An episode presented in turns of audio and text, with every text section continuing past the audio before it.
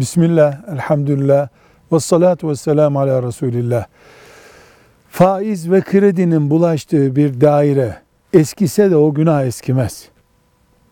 Faizle, krediyle, daire, dükkan, arsa, araba bir şey alan, o arabasını, evini atıp bitirse bile o günahla Allah'ın huzuruna çıkar. Ta tövbe edip gerekeni yapıncaya kadar. Ancak krediyle alınmış yani faiz bulaşmış bir daire babadan veya başka bir akrabadan miras kaldığında çocuklara çocukların onu kullanmasında bir sakınca yoktur.